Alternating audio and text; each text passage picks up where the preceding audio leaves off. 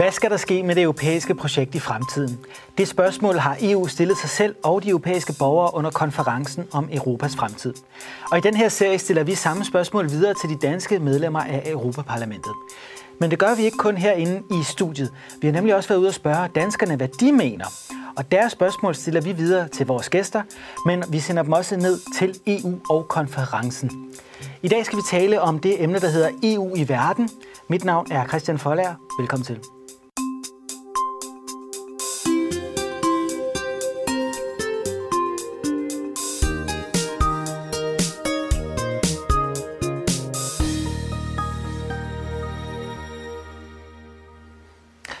Også velkommen til dagens gæst, Niels Fuglsang, medlem af Europaparlamentet for Socialdemokratiet, valgt ind i 2019. Den her konference om Europas fremtid er et øh, europæisk initiativ for at få inddraget borgerne i arbejdet i EU. Har du været med øh, under konferencen, og hvad tænker du egentlig om det initiativ? Jeg synes, det er et godt initiativ, og tak fordi jeg måtte være med her i dag, Christian. Jeg synes, det er et godt initiativ, Øh, og jeg følger ganske meget med i øh, de, øh, den debat, der foregår i det hele taget om Europas øh, fremtid. Jeg har ikke selv øh, endnu været med til sådan nogle konkrete arrangementer i konferencen. Øh, først og fremmest er det jo øh, borgerne, og ikke øh, kun sådan nogle politikere som mig, der skal tale og give input. Og, øh, og det følger jeg løbende med i, hvad der foregår, og også glæder mig til, at øh, når vi kommer lidt længere hen, at, at sådan få nogle konklusioner af, øh, de arrangementer, der har været, altså hvad er det, borgerne går op i, og, og hvad er det, de synes, der skal ske med Europas fremtid. Har du noget indtryk af, hvad borgerne egentlig tænker om det her spørgsmål EU i verden, altså øh, EU's øh, udenrigs- og sikkerhedspolitik? Man kunne jo godt forestille sig, at det er noget, der optager rigtig mange i den her tid, øh, i en usikker tid med nye stormagter, der er en krise i Ukraine, det sydkinesiske hav og så videre. Folk er måske utrygge og kunne tænke, at EU kunne være løsningen, eller hvad? Jamen, det, det er egentlig mit indtryk. Jeg, jeg er ude selvfølgelig, som de fleste politikere, ofte ude og diskutere med borgerne i alle mulige sammenhænge. Og øh, jeg tror da, at der er mange borgere, der i øjeblikket tænker, når vi, sig, når vi ser på, som du siger, Rusland, men man kunne også nævne Kina og andre stormagter, øh, der jo opfører sig øh, mere, øh, mindre venligt og mere aggressivt, end vi har set tidligere. Øh, der tror jeg, der er mange, der tænker, at det kunne være godt med øh, noget mere europæisk sammenhold. Vi er jo et lille land i Danmark, øh, og øh, har jo ikke de store chancer, hvis vi står alene over for Kina eller Rusland øh, eller, øh, eller andre. Øh, så derfor har vi jo øh, i høj grad brug for at stå sammen i EU. Og hvis vi står sammen i EU, så er vi jo til gengæld en stor øh, magt og en kæmpe stor økonomi. Og det tror jeg selv, at der er behov for, at vi gør i endnu højere grad. Og det er også mit indtryk faktisk, når jeg taler med mange borgere, at de tænker i den bane. Et af problemerne er jo, at øh, EU-landene ofte er meget splittede, når det gælder for eksempel en fælles øh, udenrigspolitik. Hvordan man eksempelvis skal forholde sig til Rusland, fordi landene har forskellige interesser. Skal man i højere grad sikre den enstemmighed ved, at man for eksempel har kvalificeret flertal, sådan, sådan et, et flertal af landene kan bestemme retningen, og der ikke er vetoret for et enkelt land til at, at, at bremse øh, en bestemt øh, politik? Det er jo et mega relevant spørgsmål, og, øh, og jeg synes, der er nogle dilemmaer i det. Øh, nogle gange tænker jeg, at det kunne være godt med mere enstemmighed, fordi øh, at jeg ser, at vi er 27 lande i EU, og når de taler med 27 forskellige stemmer, så er vi altså ildestet nogle gange over for Rusland og Kina, der jo taler med én stemme øh, hver især. Øh, samtidig så må jeg sige, at øh, jeg er nok ikke øh, villig til sådan at gå over til sådan generel enstemmighed på øh, udenrigspolitikken, fordi som du siger, så har vi jo også forskellige interesser. Øh, jeg er ikke øh, sådan helt tryg ved at lægge udenrigspolitikken i Orbans hænder, Orban fra Viktor Orbán fra Ungarn. Øh, og der er en række lande, hvor jeg tænker, at det er ikke sådan, øh, det er ikke den udenrigspolitik, som jeg øh, tænker vil være god. Men jeg synes i hvert fald, der er meget behov for, at vi står mere sammen. Og jeg tror, en af de måder, vi kunne gøre det på, det var at prøve at sikre, at øh, landene i EU, de øh, ikke kommer i situationer, hvor at andre stormagter har en økonomisk klemme på dem. Øh, for eksempel ved, at Kina har købt noget kritisk infrastruktur i nogle lande, og dermed kan presse de her lande. Eller at Rusland, øh, og der går det jo desværre den gale vej øh, i øjeblikket, Rusland laver et energisamarbejde med Tyskland, hvor de kan sælge en masse gas, og dermed også kan bruge den gas som pressionsmiddel. Der synes jeg egentlig, vi burde have nogle stærkere regler, fælles regler i EU, hvor vi sikrer, at kritisk infrastruktur, det skal vi ikke sælge til fremmede stormagter. Og øh, når det handler om energisamarbejde, jamen så bør vi altså kunne træffe nogle fælles beslutninger, synes jeg, i EU, om at sige, hvad er det, der er i EU's interesse, og den gasledning, man bygger i øjeblikket, er ikke i EU's interesse, synes jeg. Ja, det er en gasledning fra Rusland til Tyskland, som er meget omdiskuteret, fordi nogen mener, at det er det, der gør det muligt for russerne at øh, behandle ukrainerne lidt øh, hårdere for tiden, og også øh, truppen. Ja. Vi har et øh, spørgsmål fra en dansker her, som vi vil vise og se, hvad de har at sige. Lad os jo. se.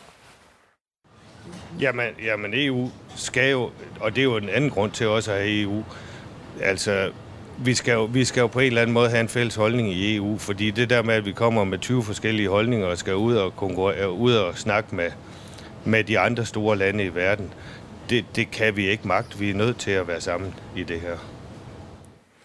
Det er Lars inde på, det er lidt det, vi lige talte om. Altså, vi er simpelthen nødt til at kunne tale med én stemme over for stormagterne. Men du har altså nogle, nogle reservationer. Øh, men borgeren her, han synes jo, at vi skal gøre noget for at, at i højere grad kunne tale med en stemme ja. over for kineserne, over ja. for russerne. Er der noget om det? Ja, det er der i høj grad noget om. Ja. Det, det må jeg sige.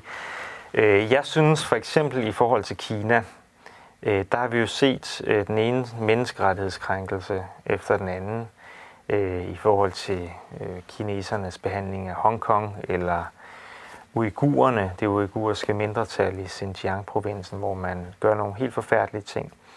Øh, og hvor EU med rette øh, er gået ind og har fordømt nogle af de her ting. Men der har været situationer, hvor EU ikke kunne tale med en stemme i de her øh, spørgsmål.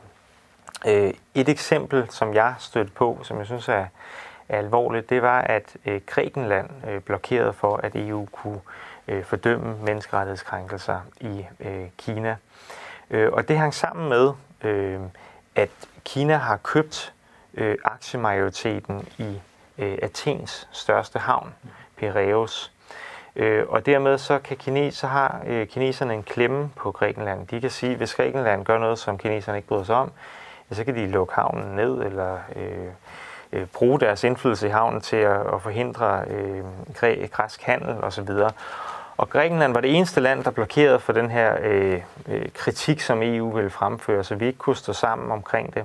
Og jeg kan jo ikke sådan vise, at, øh, at det var derfor, men jeg vil sige, øh, der er meget, der tyder på, at, øh, at Grækenland altså øh, er, er kommet i en situation, hvor man kan presse landet. Og så, så er det ikke bare et græsk problem, fordi så kan Grækenland blokere for, at hele EU kan stå sammen om de her ting. Derfor mener jeg, nogle af de ting, en, af, en vigtig ting, man burde gøre, det var, at vi sagde, at i EU, der skal vi have nogle fælles regler for kritisk infrastruktur. Øh, kan man bare sælge, hvad er det, man kan sælge til andre lande? Kan man sælge sin havn, øh, som man er fuldstændig afhængig af, til andre lande? Kan man sælge sin mobilnet? Øh, kan man sælge sin energiinfrastruktur? Og der vil jeg sige nej. Der må være nogle regler, sådan at øh, vi ikke kommer i, de der situationer. Det er, det er en vigtig ting, jeg synes, vi skulle gøre. Så jeg synes, der er nogle muligheder, selvom vi ikke går over til absolut, altså flertalsafgørelser på alle punkter, så kunne vi godt gøre det langt bedre. Og det er der i høj grad behov for. Jeg synes, seeren har, øh, borgeren her har øh, en, en meget vigtig pointe. Vi risikerer jo at blive købt for en slik, hvis vi øh, står 27 lande over for Rusland og Kina, og de så kan lave en aftale med et eller to lande, og så øh, blokere de her lande for vores holdning. Og spille EU-landene ud mod hinanden jo også. Det er jo den taktik, øh, man kan sige, de bruger. Der er jo meget tale om nede i EU nu, at man skal have det, man kalder åben strategisk autonomi, og det er jo også noget, der blandt andet handler om det her med kritisk infrastruktur.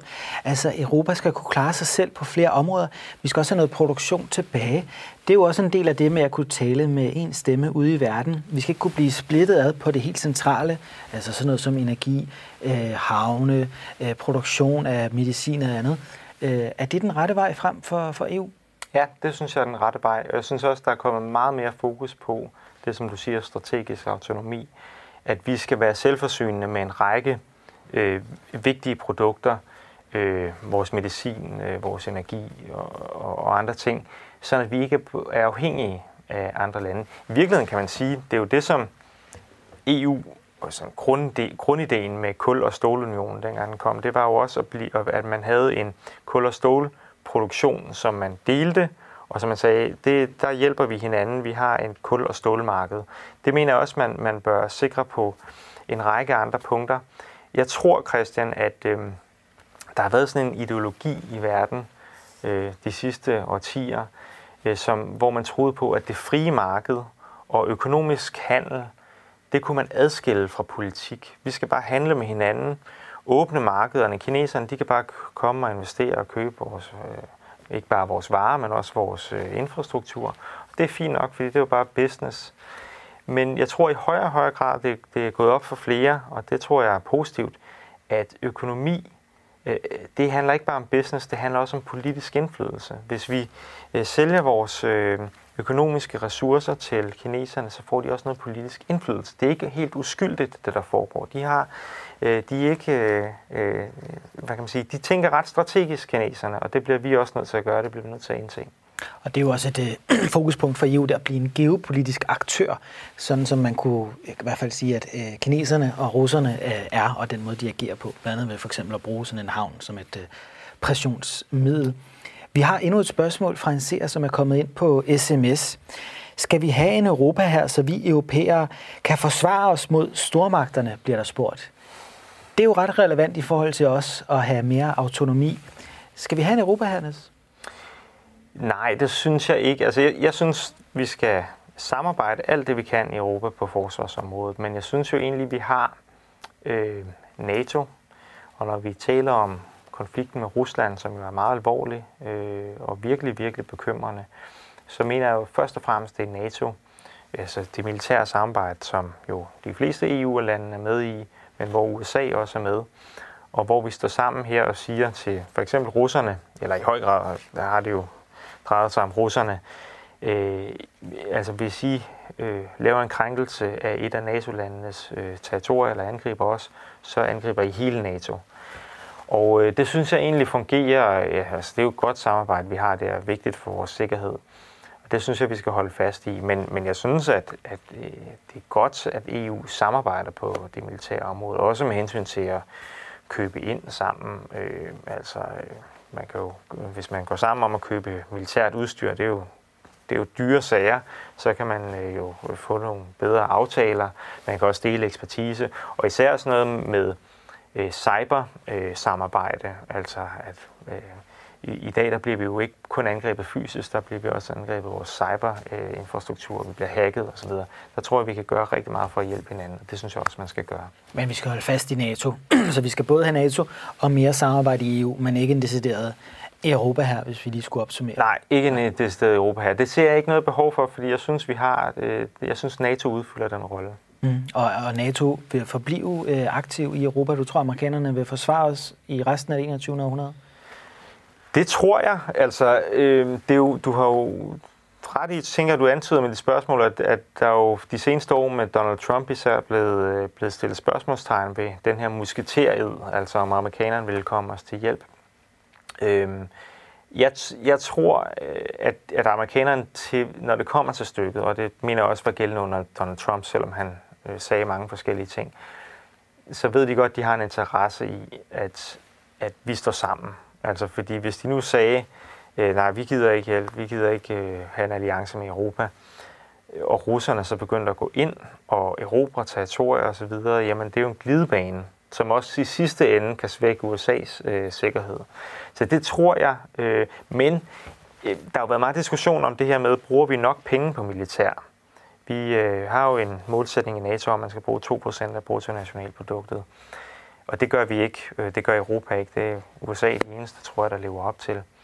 Og der, der har jeg selv været sådan, Christian, at jeg tænkte, øh, jeg var sådan lidt mere pacifistisk anlagt måske, ikke? At jeg tænkte sådan, det var da ikke, altså vi skal da ikke bruge så mange penge på militær, men jeg, jeg er med årene nok blevet mere, jeg vil, jeg vil nok måske kalde det realist i dag, at tænke, det, det bliver vi altså nødt til at bruge på nogle penge på militær, for det er jo også en forudsætning for, at USA vil have den alliance sammen med os. Altså, hvis de skal betale for hele gildet selv, så kan det jo godt være, at de tænker, at det ikke er den bedste aftale for dem. Vi bliver også nødt til at bidrage til vores sikkerhed, synes jeg. Så vi skal bidrage mere og opfylde det her krav om, om 2% på, på sigt. Ja, det synes jeg må ja. være målsætningen. Ja, det må være målsætningen for at holde fast i amerikanerne her i Europa. Ja, ja. og også have en rimelig byrdefordeling. Altså, det er jo heller ikke rimeligt, at, at amerikanerne skal betale hele, det hele, synes jeg heller ikke. Hvis du lige er begyndt at se med, så taler jeg her med Niels Fuglsang, der er medlem af Europaparlamentet for Socialdemokratiet, om EU i verden, og det gør vi i forbindelse med konferencen om Europas fremtid. Og det er en konference, hvor EU har bedt borgerne om at komme med deres synspunkter om, hvordan fremtiden skal se ud for EU. Og der har man mulighed for at sende spørgsmål ned, og I kan også sende spørgsmål ind til os her. Det kan I via sms, mail eller via hjemmesiden. Alle spørgsmålene kommer videre ned til EU, og de bedste af dem, dem stiller vi videre til politikerne. Og en af dem, det er dig, Niels. Og lad os se øh, endnu et spørgsmål fra en seer. Det kommer her. Det kan se ud som om EU er ved at miste sin betydning på verdensplan. Som om det europæiske fællesskab skal klare sig mere og mere selv, og heller ikke er så attraktiv som før. Jeg synes, det er vigtigt, at EU træder mere karakter på europæisk niveau, men også globalt. Og jeg kunne derfor godt tænke mig, at der bliver sat mere fokus på det i EU-samarbejdet i de kommende år.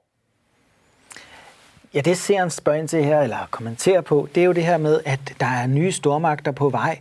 Der er en global scene, og der skal EU øh, indtage sin plads. Øhm, hvordan tænker du, at EU skal agere i de kommende år i forhold til den verden, vi øh, lever i i dag?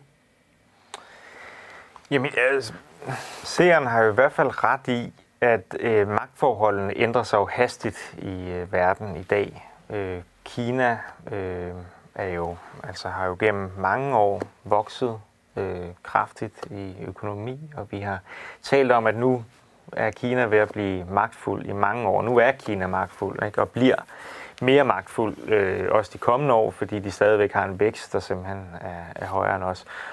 Og der må man sige, at øh, de har jo nogle andre værdier, end vi har. Altså når man ser på demokrati og menneskerettigheder, det er klart, de ser på tingene på en anden måde.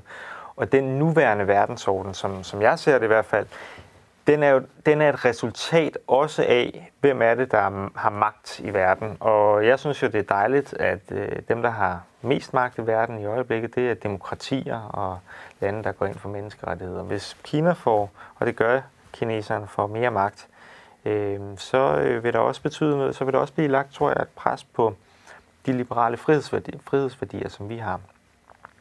Og der tror jeg, at øh, vi i høj grad øh, skal gå sammen med amerikanerne, altså EU skal gå sammen med amerikanerne. Øh, fordi øh, hvis vi står sammen, og også Australien og Kanada, de demokratiske lande, synes jeg, skal, skal gå sammen. Hvis vi står sammen, så er vi stadigvæk øh, meget, meget store i forhold til de andre, også i forhold til kineserne.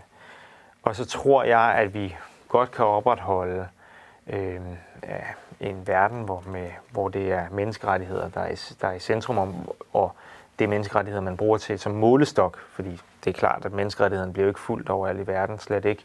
Men vi måler tit tingene op af menneskerettighederne øh, i dag, og prøver at kæmpe for, at det er dem, der skal øh, dominere.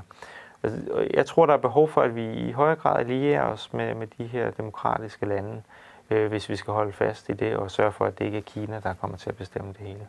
Har vi i Vesten også været for naive? Altså, du talte tidligere om, at der har været en idé i mange år om, at man bare kunne handle, og det havde ikke noget med politik at gøre. Og man havde måske også en tro på, at kineserne med tiden ville blive som os, russerne ville blive som os.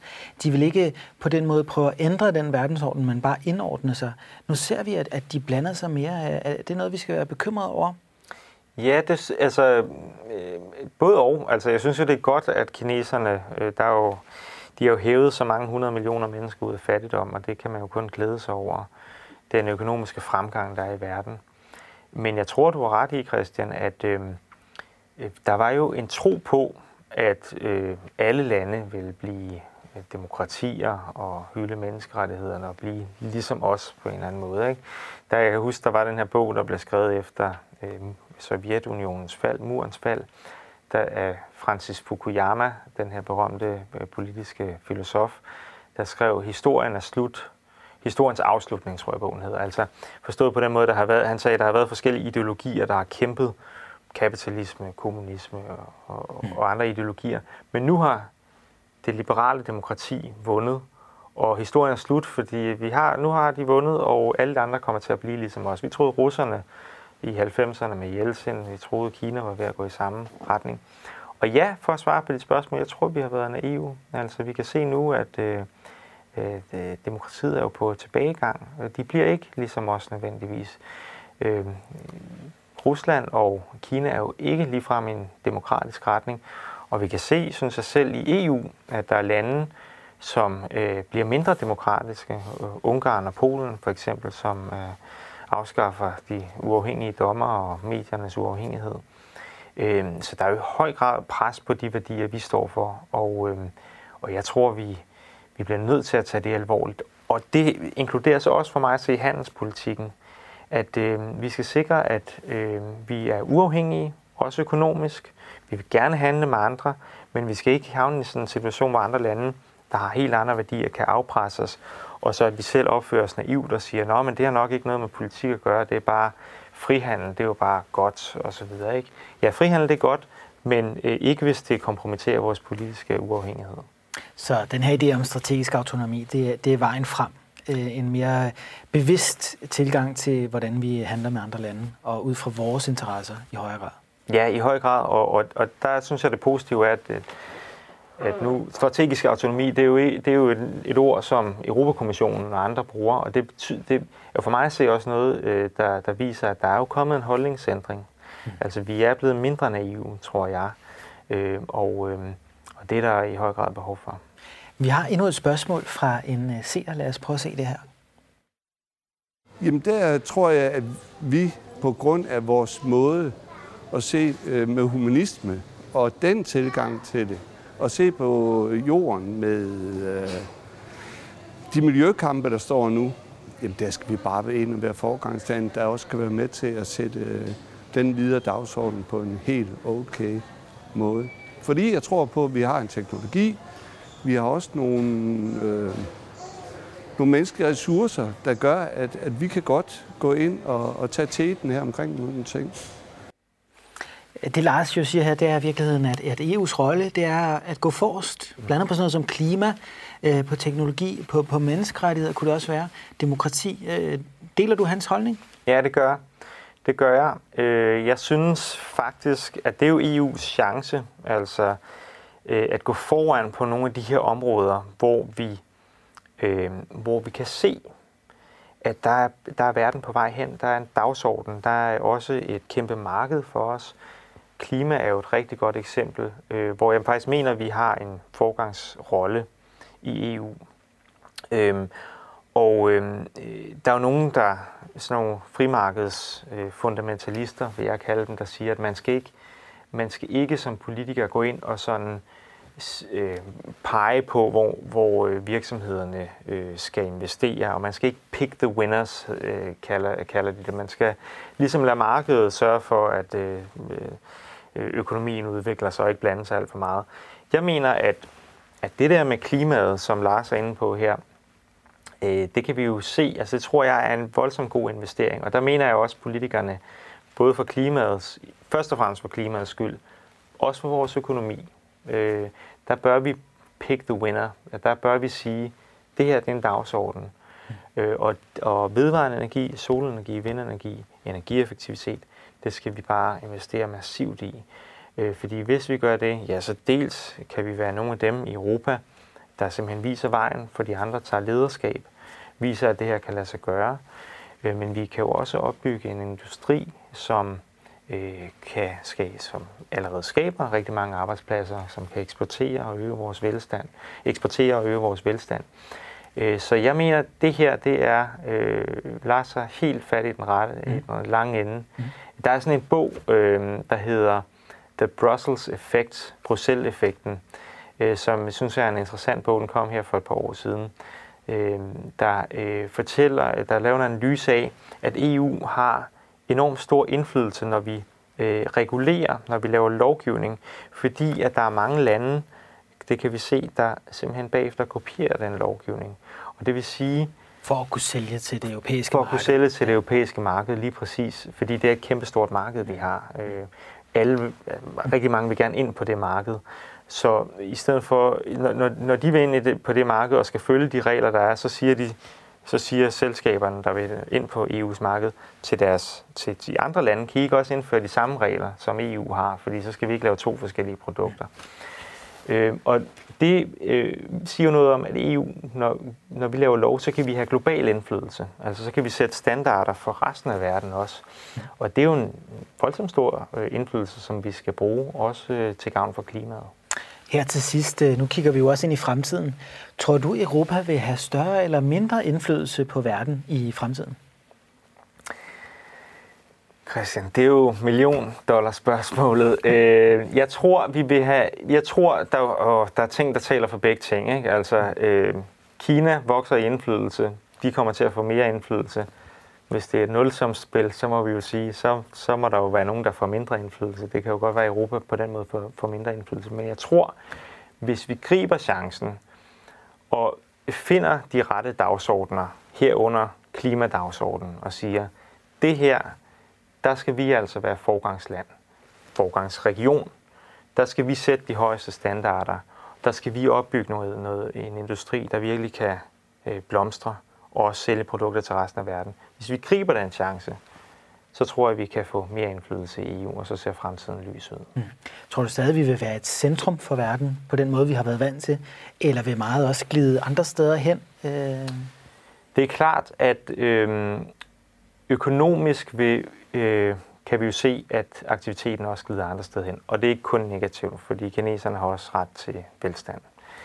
Men jeg tror værdimæssigt, når vi taler om demokrati og humanisme, som seeren var inde på, øh, der mener jeg, at vi har enormt meget at byde på. Mm. Og der tror jeg stadig, at kineserne og andre dele af verden, de ser imod Europa og tænker, ved hvad, sådan, sådan et sted kunne vi godt tænke os at bo, fordi det er sådan set et rart og sympatisk samfund.